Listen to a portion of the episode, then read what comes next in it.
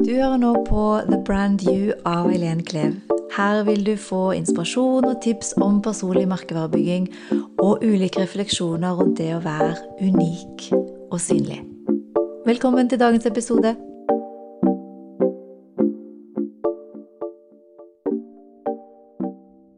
I dag har jeg gleden av å intervjue Philip Skogstad, som eh, driver rekruttering og executive search i Lederhagen. Og jeg spurte deg i stad om tittel, for det står liksom bare område her, og du sa du er ikke så glad i titler. Det er jo spennende. Du jobber med executive search, men er ikke så veldig glad i titler. Fortell. Ja, nei, det, det der med titler syns jeg er litt eh, vanskelig. Jeg driver jo et lite uh, selskap. Vi er to ansatte. Um, så, um, men det vi gjør Vi jobber jo med rekruttering og search. Så det er det vi setter pris på å gjøre mest av, som jeg ønsker å til, til det, vi driver på med. Mhm. Hvor lenge har du holdt på? Hvor mange år? Um, jeg har jobbet med rekruttering i snart 24 år. Jeg har omtrent ikke gjort annet.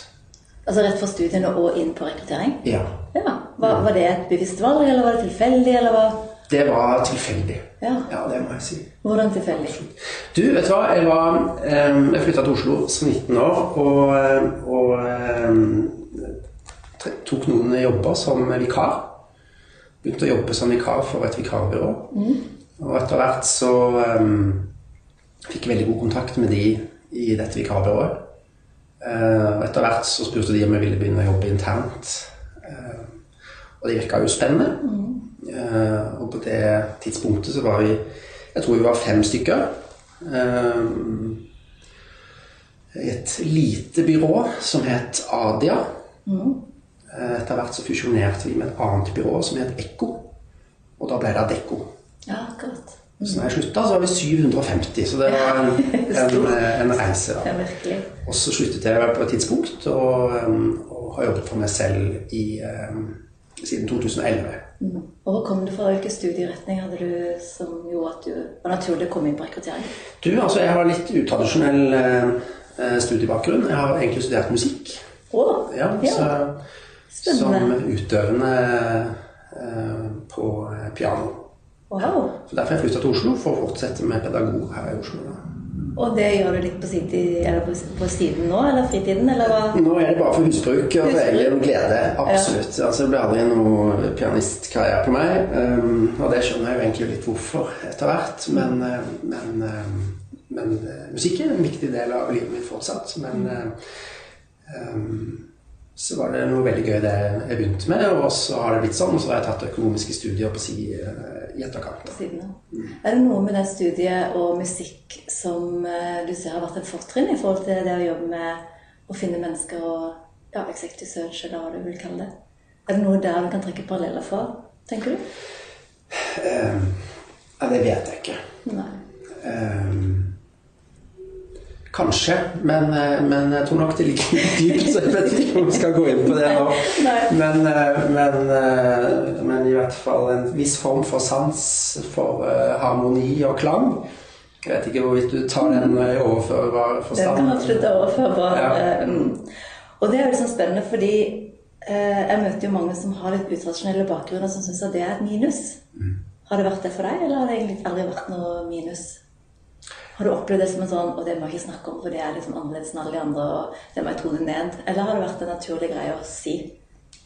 Nei, for min del så har det vært eh, bare positivt. Ja, definitivt. Jeg har hatt mye eh, mye igjen for det eh, i etterkant, personlig og nettverksmessig, eh, eh, som har gitt meg veldig, veldig mye. Mm. Mm, spennende. I dag skal vi snakke mye om dette med personlig merkevarebygging. Hvilke forhold har du til det når du hører det ordet? Hva, hva tenker du da? Hvilke assosiasjoner har du til begrepet?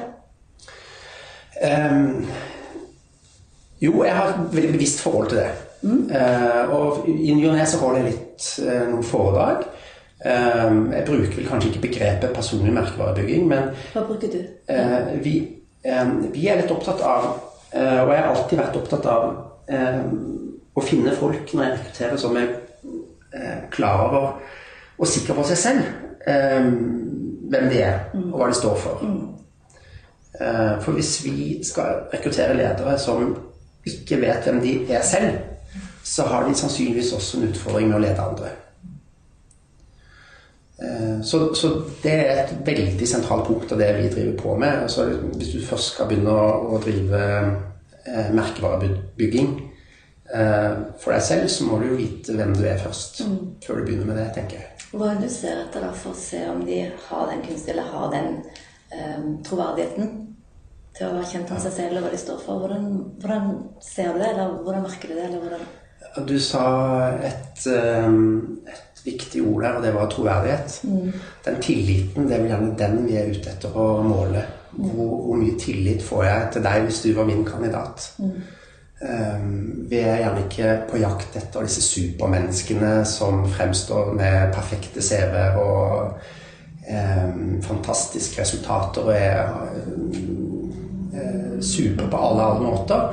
Men heller mennesker som er mennesker, og som fremstår som mennesker og, og, og inngir tillit, rett og slett. Mm. Det er viktig. Mm.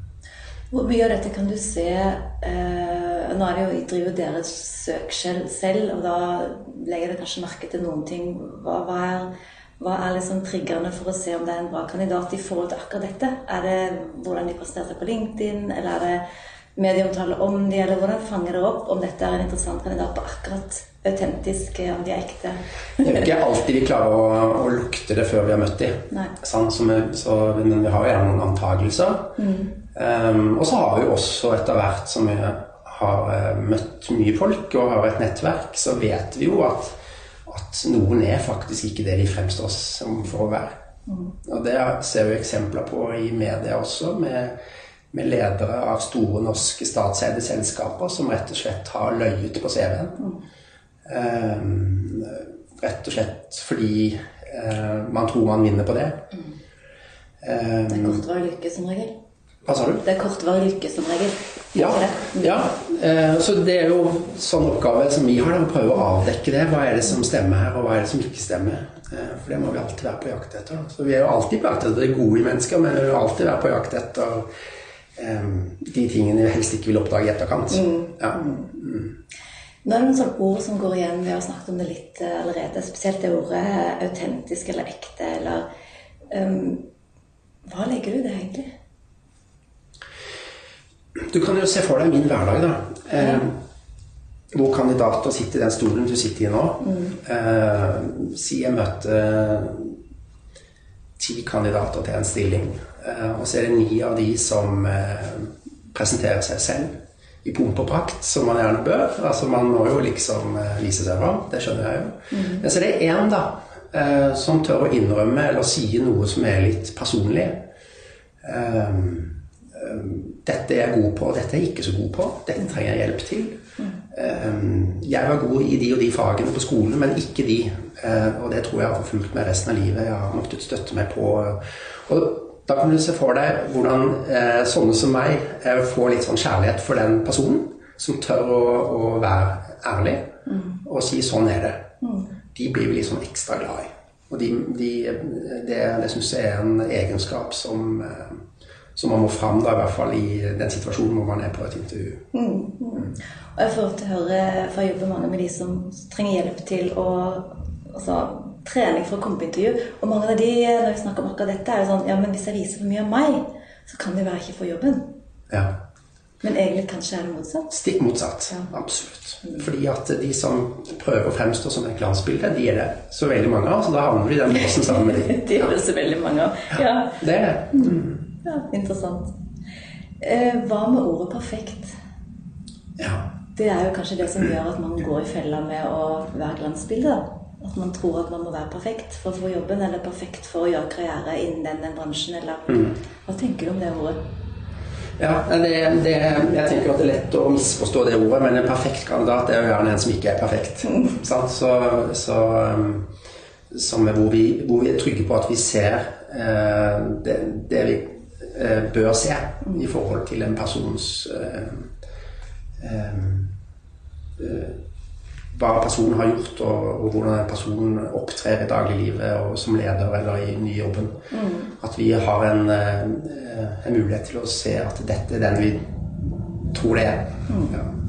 Vi, vi, snakker ofte om en person eh, Når vi eh, holder foredrag, så er det en, to personer som drev med eh, forskning i psykologi, som har laget en modell.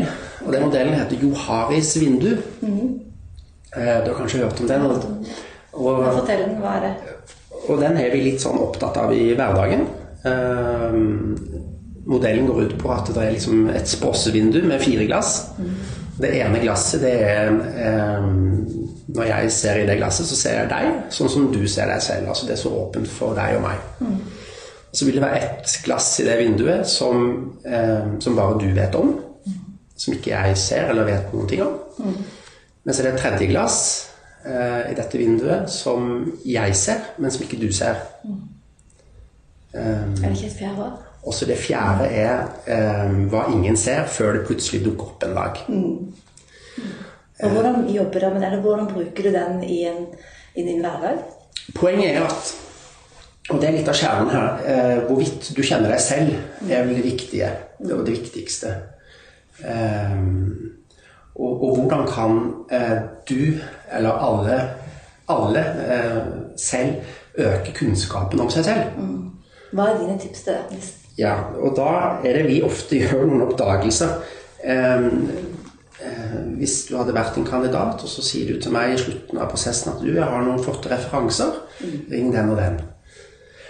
Og så ringer vi disse personene, og, og, og vi, vi, går ganske grundig til verks. Vi bruker en del tid på det mm. Eh, i forhold til hva vi har funnet intervjuer og tester og, og CV. Så er vi litt sånn ute etter eh, anvendt kunnskap og hvordan det oppleves i praksis. Mm. Og veldig ofte så får vi ganske dårlige svar. Eh, vi får ofte et generelt svar som sier eh, jo, personen er eh, kjempebra. Flink og flott og alltid levert og, og, har tatt personen med meg etter flere jobber. Det sier vel litt og, mm. og så videre. Men vi får liksom ikke helt taket på hva det er som gjør at personen er bra. Mm. og da er det ofte vi må gå tilbake til kandidaten og si at vet du hva, du har gode referanser, men dessverre så kjenner de deg litt dårlig. Selv om du har jobbet sammen med personen kanskje i 20 år. Og det er veldig ofte, og da må vi gjerne ta et valg som går i favør en annen person som har referanser som virkelig kjenner personen. På godt og vondt. Hva har dere jobbet med siste perioden som dere har utviklet dere på? Hva, hvordan eh, vil du karakterisere personlighet under eh, den og den situasjonen? Eh, har du eksempler på hvordan sånn og sånn problemstilling ble løst? Mm, mm. Um, og så det, Egentlig så er det um, en slags oppfordring til, til, deg og meg om at vi oppdrar uh, lederne våre rundt oss, uh, vennene våre, og også de hjemme kanskje, mm. til å komme med ærlige tilbakemeldinger. Mm. Så jeg pleier å si da at nå er det, nå er det, nå er det mandag da, og kanskje lenge til fredag, men, men ved neste anledning så kjøp en god flaske vin, inviter noen venner hjem, sett flasker på bordet og be om Eh, hvordan er det du ser på meg? En liten mini-workshop? Ja, beskriv meg. Og så får man kanskje en samtale som er litt annerledes enn det man pleier å ha. Mm. Eh, eh, men du kan være helt sikker på én ting, at de vil sikkert også spørre om det samme tilbake. Mm. Eh, og så får man eh, kanskje noen tanker om hvordan ting er som man ikke var klar over. I hvert fall utvikle sin egen kompetanse om seg selv da, på en måte. Mm. Hva, hva, med den øvelsen med å spørre nettverket om å beskrive meg med tre ord? Ja. Er det nyttig også, eller tenker du at den er, da får du på en måte ikke helt Eller hva er erfaringene dine? Du, jeg har selv ikke prøvd akkurat den med tre ord, men, men, men kanskje det. men, eh, men, eh, men, det er litt trist, tenker jeg, at man går gjennom eh, kanskje et halvt arbeidsliv uten å vite egentlig hva man har fått tilbakemeldinger på. Da. Mm. Noen organisasjoner er kjempeflinke på det, selvfølgelig. Ja. Og noen gjør det kanskje i altfor stor grad. Man blir målt på alt mulig. Men, men når jeg spør en person om å beskrive seg selv, så lukter vi jo fort om dette er tufta på kunnskap eller bare er på en måte platte ord. Ja, ord du har sett i stillingsannonsen som du tenker er riktig å si. Ja, mm. sant. Mm. Nei, det er sant. Spennende. Hva med dette med å ha en rød tråd i greiene. Vi nevnte jo at du har jo hatt en eh, litt utradisjonell bakgrunn som gjør at den røde tråden ikke er så synlig for så vidt. Men den er da kanskje veldig synlig, egentlig. Men ikke sånn umiddelbart. Opplever du at mange har det samme? De har eh, CV-er eller eh, hva skal jeg si eh, bakgrunner som ikke er helt logiske alltid? Eller er det litt Ja, uvanlig? eh, du vet hva, jeg- for en del år siden så hadde jeg et oppdrag hvor jeg hadde i oppgave å intervjue 270 banksjefer. Eh, Banken eh, hadde mange. Banken hadde eh, gitt sine 270 banksjefer eh, oppsigelse. eh, Med beskjed om at alle måtte søke stillingen sin på ny. Og de hadde 260 stillinger tilbake. Mm, skjønner. Eh, Og du kan tenke deg i slutten av den prosessen så begynte å bli litt lei banksjefer. Ja, jeg skjønne. Ja. Ikke fordi at det er noe galt med de generelt, men alle var veldig, veldig, veldig like. Ja. Eh, Alle hadde nøyaktig samme CV omtrent. Og de ligna på hverandre i personlighet. De hadde samme klær, samme sveis, eh, samme sivilstand, samme aktiviteter på fritiden. Altså Det var liksom veldig lite å skille dem på. Nå kom vi i havn med, med oppdraget, men det var også sånn at jeg var så lei at jeg vurderte å finne på noe annet selv. Såpass. Mm. Eh, Dette er eh, tror jeg, 15 år siden. Ehm, det jeg husker veldig godt, det er det første oppdraget jeg hadde i etterkant av disse banksjefene. Da skulle jeg finne en markedssjef til en eh, teleoperatør. Og da kom det inn døren en helt annen type mennesker. Og det ga en sånn voldsom kraft og, og glede da, i min eh, jobb som eh, rekrutterer og hodeeier. Um, og det, da slo det meg at en av denne banken hadde tatt den type profiler inn til seg? Hva hadde ikke det gjort for den banken? Så siden den gang så har jeg vært veldig opptatt av det i min rekruttering. Finne folk fra ulike bransjer med ulik erfaring, eh, ulik kunnskap.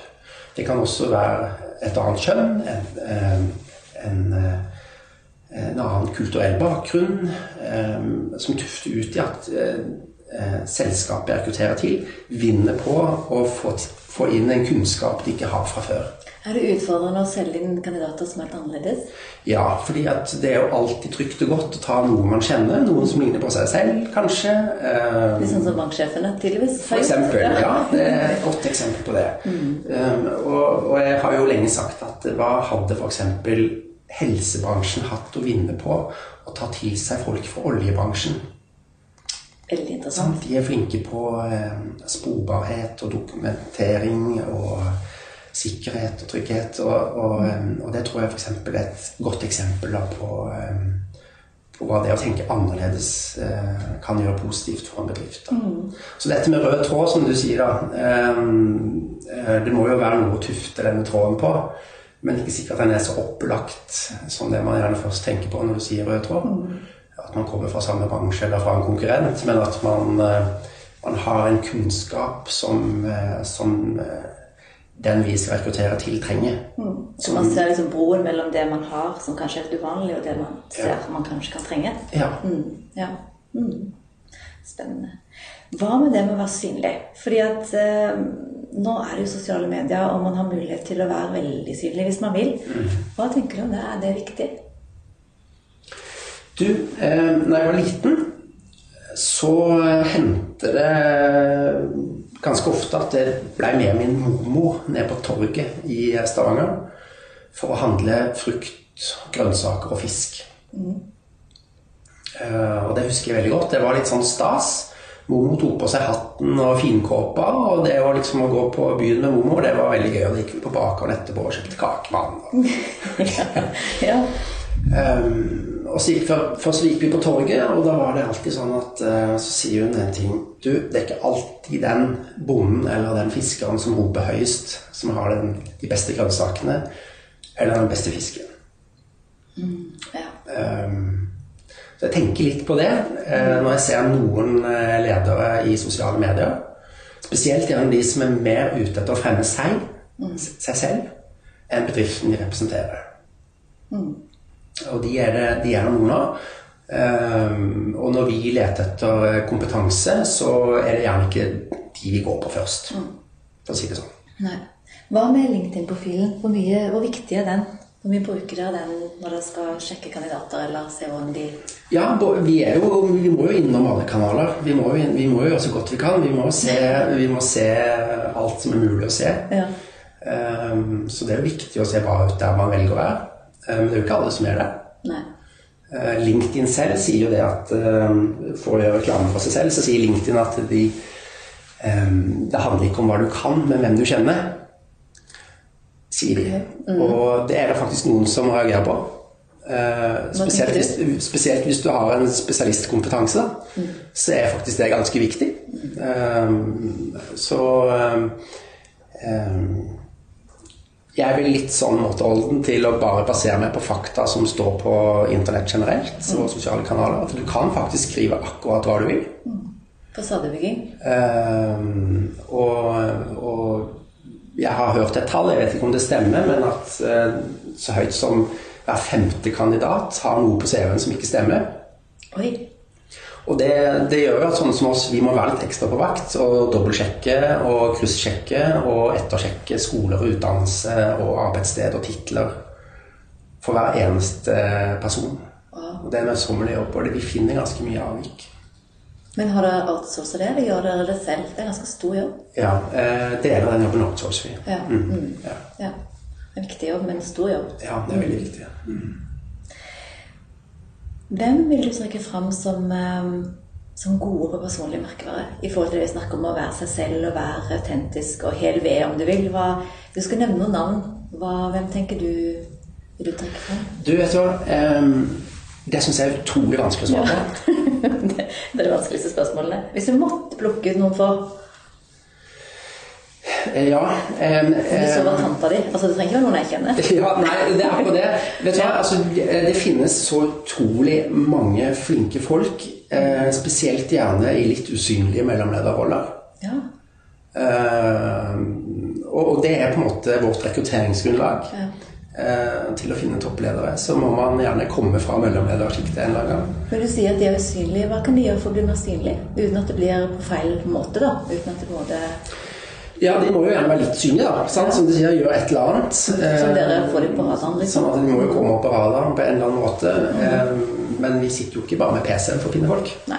Nei, vi sitter jo med nettverket vårt. Og det er jo det vi bruker mest aktivt. Kilder som eh, har en formening om hvor det finnes flinke folk. Ja. Um, og, og det går jo på ikke bare det å poste ting i sosiale medier. Definitivt ikke. Det fins mange andre kilder hvor man kan være synlig. Det er noen som hevder at eh, CV-en er død. Ja. Hva tenker du om det? Er du enig i det? Nei. Er den på vei ut? Er det noe annet som kommer på vei inn? Eller hva er liksom ja, nei, det syns jeg blir litt tabloid. Ja, jeg, jeg tror det. Jeg vet ikke om jeg er gammeldags sånn sett. Men, men eh, det, det kan godt tenkes at eh, den ser annerledes ut om noen år. Eh, Men da tipper jeg vi er ferdig med å bruke e-mail også. Ja. Hva med sånn video? At man eh, lager en video istedenfor CV. Har du, tenkt, har, du, har du fått noen kandidater som har gjort det? Noen Ja, absolutt. Vi bruker også et system på det. Okay. Eh, eh, I noen tilfeller hvor vi finner det naturlig. Ja. Som en sånn eh, søknad at de må legge igjen eh, noen sekunder eh, presentasjon av seg selv. Ja, er det noe som er standard for alle, eller er det noen utvalgte grupper som du gjør det på? Til utvalgte stillinger. Ja. gjør jeg det. Ja, det er Og det er gjerne hvis man skal rekruttere fra flere deler av verden eller i landet. Ja. Um, så får man et lite blikk av personen, av hvordan de ønsker å fremstille seg selv. og sånt. Så man, Men det er jo ikke noe kilde til å Det er jo bare et førstegangs Ja, er en, del av en slags screening, kanskje. Ja. Um, men det er gøy, det. Så det tror jeg kommer til å komme mer og mer. Du nevner dette med altså de eh, banksjefene som var veldig like. Eh, og mange kan føle at det er jo ikke noe med meg som er unik. Det er jo liksom, Jeg har jo alt som alle andre gjør, og jeg vet ikke helt Hva vil du råde de til? For det er jo noe med at på en eller annen måte så må de jo skille seg på en eller annen måte ut for at de skal få jobben. For de er vel, ellers blir det kanskje bare elle melle. Hvem skal vi ta disse 250? Ja. Så um, hva tenker du kan være eh, ditt råd? Hvis man føler at man ikke har noe som er unikt. Stemmer det? Er det noen som ikke, absolutt ikke har noe som er unikt? Jeg kan jo mistenke det. Eh, av og til får vi søknader eller CV-er eh, når, det, står om liksom eh, en slags summary eller om meg eller personlige interesser, så står det at eh, jeg liker å gå tur i skog og mark og gå på kino og Ja. lese bok. Ja. Um, og vi mistenker at dette er en slags eh, kontaktannonse fra, fra avisen i sin tid. Men, men eh, eh, det er jo gjerne eh, Et tips må jo være å, å snakke med venner da, og få en god beskrivelse av hvem er du, og hva, og hva er det jeg egentlig driver på med på fritiden. Hva, hva, hva syns jeg er gøy, hva er interessant. Mm. Uh, og det du kanskje tror er litt sært og litt rart, det er kanskje et veldig pluss. Ja. ja sant. Og når vi snakker om for sånn som samtalen har gått nå, når vi snakker om det å være annerledes, så er det kanskje ikke alltid de faglige tingene som er annerledes, men kanskje interessen og personligheten ja. mer. Mm. Ser du ofte at det er en sånn eh, vanskeligere å skille seg ut på faglig enn det er både personlig, at det er enklere, eller er det ikke noen forskjell? Nei, altså Er du spesielt god i det du gjør, eller har du en spesiell interesse for det du gjør? Fortell hvorfor du tok de studiene du gjorde. Ehm, eh, hva oppnådde du i din forrige jobb? Um, altså det er jo klart at vi, vi, ansetter jo noen som skal gjøre en jobb, og ikke noen som skal være der fordi at de driver på med noe kult på fritiden. Mm. Men altså, det er jo først og fremst de faglige vi er på jakt etter. Mm. Uh, så, og så er det jo sånn at uh, om du skriver at du er interessert i å stå på ski og spille golf, eh, så kan det være du har flaks med at eh, den ansettende leder også er glad i å stå på ski og spille golf. Men vi pleier jo egentlig å anbefale oppdragsgivere å ikke finne noen som gjør akkurat det samme som seg selv. Det er, jo, er liksom ikke, ikke der de skal finne hverandre, selv om det er dessverre ofte det som skjer. At eh, å ja, han kjører også golf. Det gjør jeg òg, så da er han sikkert en grei kar. Mm. Um, og mange rekrutteringer skjer på det nivået, så det, vi må liksom bort fra det. Uh, men, uh, men, jeg er helt sikker på at med, hvis du snakker med kollegaer og venner, så, blir du flinkere til å forstå og beskrive hva, du, hva, som gjør at du er du, mm. og hva du syns er gøy, og hva du trigges av i hverdagen, hva du får energi av. Um, ja, og så videre. Nå har du jobbet for deg selv ganske lenge og antageligvis både bevisst og ubevisst bygget eh, deg en merkevare. Hva, hva, tenker du om din egen merke? Hvis Du skal beskrive den med si tre ord, da. Mm. Veldig kult at vi får den. Jeg tror det er vanligvis jeg som pleier å sitte og stille de spørsmålene. ja, ja. Du vet hva, jeg er lidenskapelig opptatt av folk. Ja. Um, når jeg møter en ny person, så er det en ny dør til et nytt univers som jeg ikke kjenner. Mm. Så jeg tror og håper at veldig mange vil si det om meg, at jeg eh, viser interesse for de som person. Eh, det håper jeg, og det ønsker jeg å fremstå som også. For det, det, det er liksom fordi jeg syns det er interessant. Mm. Um, og så vil jeg også si at det er veldig grundig. Ja. En type person som, som liker ting er ordentlig. Og liker ikke at eh, det gjøres noen uh, halvveis nedi i leksa, men at alt er til punkt og prikke. Mm. Og så er jeg litt opptatt av tillit. At, det, at, jeg har tillit til de som jeg snakker med, og at de har tillit til meg. Mm. Veldig bra. Mm. Hva vil du gi av tips til personer som kanskje tidligere ikke har vært så bevisst på sin merkevare, men ser at det er behov for å tydeliggjøre den mer?